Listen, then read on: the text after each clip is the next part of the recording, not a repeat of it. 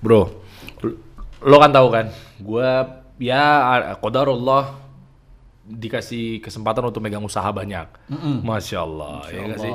Ada beberapa beberapa usaha atau unit bisnis yang lagi gue jalanin sekarang ini. Nah, cuma memang eh, casingnya itu UMKM, gitu-gitu. Nah, maksudnya dari dari banyak-banyak brand-brand itu yang gue lagi partnerin sama teman-teman gue apa segala macam lagi gue bangun, gue pengen naik kelas. Mungkin keresahannya sama yang lagi nonton ya teman-teman, pengen banget deh bisnis kita tuh minimal eh, ya CV lah. Minimal CV karena kan yang gue tahu CV ya murah meriah ngurusnya gitu ya. CV kayaknya simpel banget gitu. Kalau bisa PT sih PT cuma kayaknya PT tuh mindset gue ya kayaknya harus yang bener-bener income-nya tuh yang udah besar terus udah berjalan lama gitu. Gede banget gede ya, banget. industri manufaktur gitu ya. iya kan PT perusahaan lah istilahnya ya nggak sih?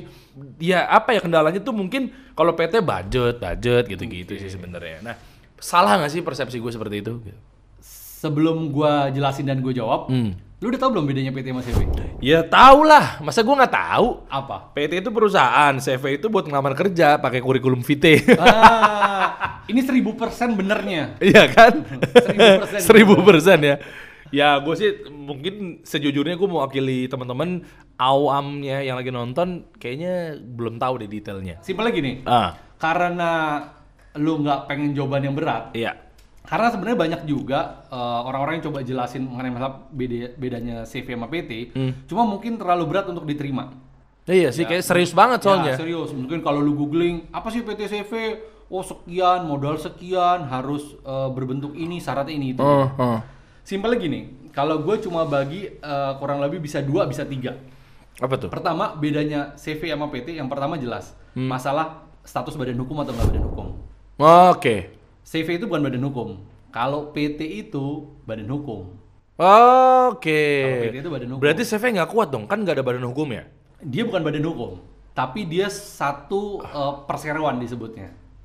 oke CV itu satu perseroan. tapi kuat kan kuat berpengaruhnya kepada apa?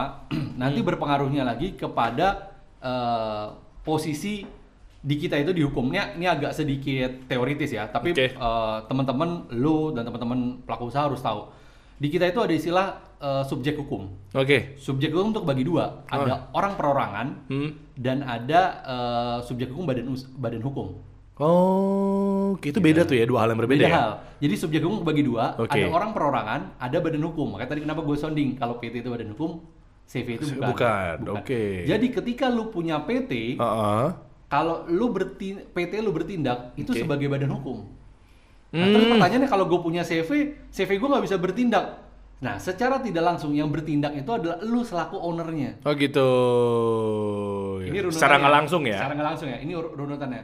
Nah, terus apa sih pengaruhnya kalau emang gue bertindak atas nama gue pribadi sama gue bertindak sebagai PT gue sebagai badan hukum tadi? Hmm. Nah, ini masuk ke eh, perbedaan atau gue sebutnya karakteristik yang kedua. Apa itu? Ketika tadi lu di dalam apa namanya di dalam PT-PT sebagai badan hukum, kalau CV bukan badan hukum, nah impactnya adalah ketika di PT itu dia ada pemisahan harta. Jadi gini, nah tadi kan lu udah singgung tuh masalah rapat umum memegang saham. Oke. Di PT itu kan eh, kepemilikan lu berdasarkan saham. Oke, iya itu. Ya, mungkin Misalnya kita bikin suatu usaha, gitu. Usaha. Lu Apa? punya saham 50%, gue 50%. Oke. Istilahnya kan kayak gitu kan. Oke. Nah, saham itu itu adalah harta kepemilikan lu dalam perusahaan itu. Oh iya betul. Aset lu adalah si saham Iya, itu. betul, ya. betul. Jadi ketika lo apa namanya memiliki saham di, di satu perusahaan itu dinilai atau dilihat berdasarkan berapa jumlah kepemilikan saham lo. Oke. Yang akhirnya itu berakibat kepada tanggung jawab lo. Makanya PT. Makanya PT itu karakteristik yang yang menguntungkan. Dia ada bentuk saham. oke. Apa sih pengaruhnya?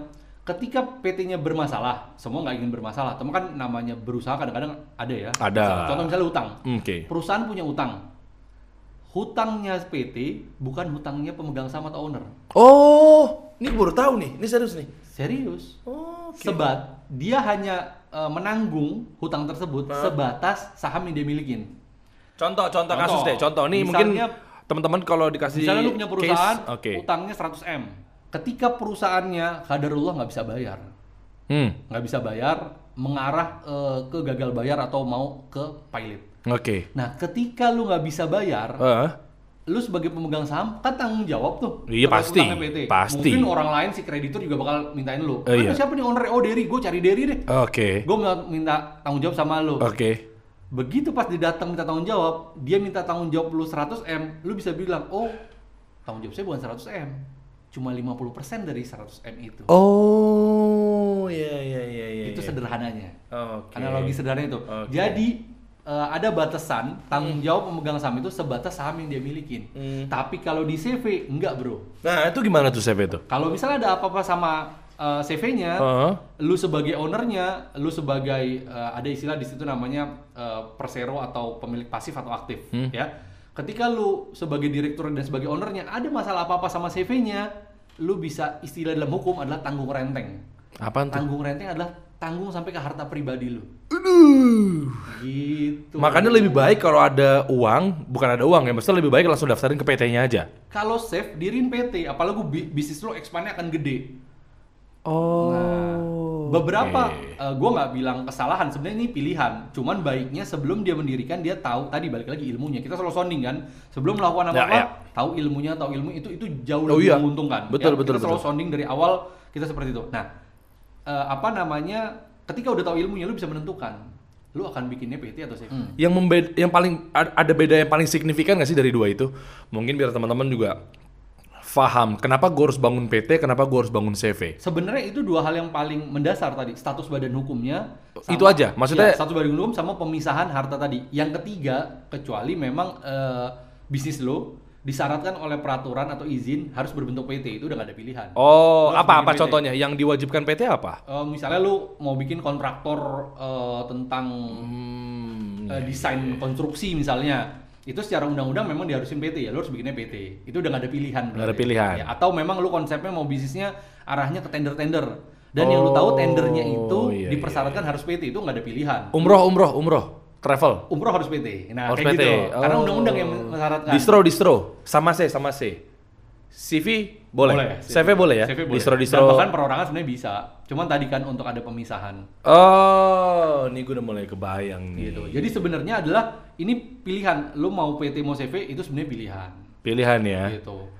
Jadi lu harus pikir dari sekarang nih teman-teman ya, ketika lu udah bangun tadi strategi digital marketingnya seperti apa, Hmm. marketingnya, brandingnya, sellingnya seperti apa. Nah, jangan lupa juga harus buru-buru daftarin. Ya. Karena ya tadi capek ketika lu udah atur sedemikian rupa, cash flow lu bagus ya, return of investment lu juga bagus, tapi ujung-ujungnya kalau memang ternyata lu belum didaftarin di PT atau CV ya tiba-tiba ada apa-apa ya bingung juga ya. Ya, sebenarnya kalau PT atau CV ini bukan lebih mendaftarkan tapi mendirikan. sebenarnya. Mendirikan. Ya, kalau gue lebih lebih pakai analogi juga, ini kayak wadah aja makanan.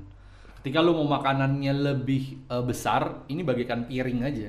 Hmm, jadi ya berarti lu harus besarkan gitu ya. Bisa besarin, lu misal PT. Misalnya nanti lu mau expand, lu sekarang usaha misalnya eh, kebetulan tuh tadi masih berhubungan sama bisa dibilang kategorinya masih perdagangan semua deh. Iya. Pedagang baju, jam segala macam. Ketika nanti lu tiba-tiba mau expand, misal kaderullah ada rezeki mau bikinnya rumah sakit misalnya. Oh, masya Allah tuh. itu kan nggak mungkin lu dalam PT yang sama karena tadi ada Oh, batasan lagi nanti iya. batasan lagi terkait izin nah ini legalitas nanti masuknya Wih, nah ini penting nih untuk perizinan legalitas tuh gimana? Maksudnya gimana cara ngaturnya? Gimana cara ini? Gimana?